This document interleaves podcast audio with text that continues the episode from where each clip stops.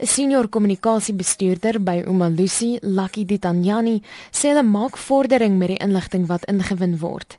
Hierdie inligting word hoofsaaklik verkry van diegene wat moontlik by die lek van vraestelle betrokke is. In line with the uh, statement of the Department of Basic Education that was released, looks like uh, the scope of the investigation will have to be broadened and that it will be wider than just the one school that was originally implicated in the leakage of uh, the question paper in in Limpopo. Hy sê hulle ondersoek is uitgebrei na verskeie ander provinsies wat Mpumalanga en Gauteng insluit. What we can say from our side is that we find the news about the paper leakage in Limpopo to be quite disappointing and disturbing considering the fact that a lot was done by both the Department of Basic Education as well as Umalusi to ensure a fair and credible examination. Hy sê die feit dat die fout geïdentifiseer is, beteken dat hulle stelsels doeltreffend is.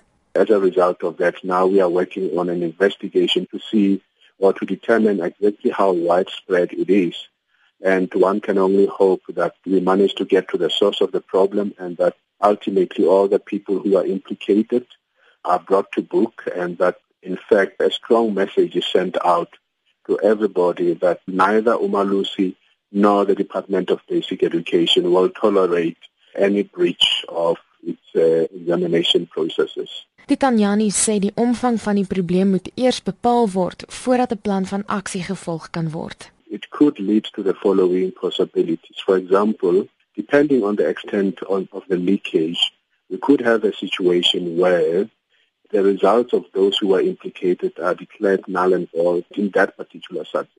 Secondly, having done that, we could have a situation also where the implicated parties, especially the learners in this case, are instructed to write the paper again.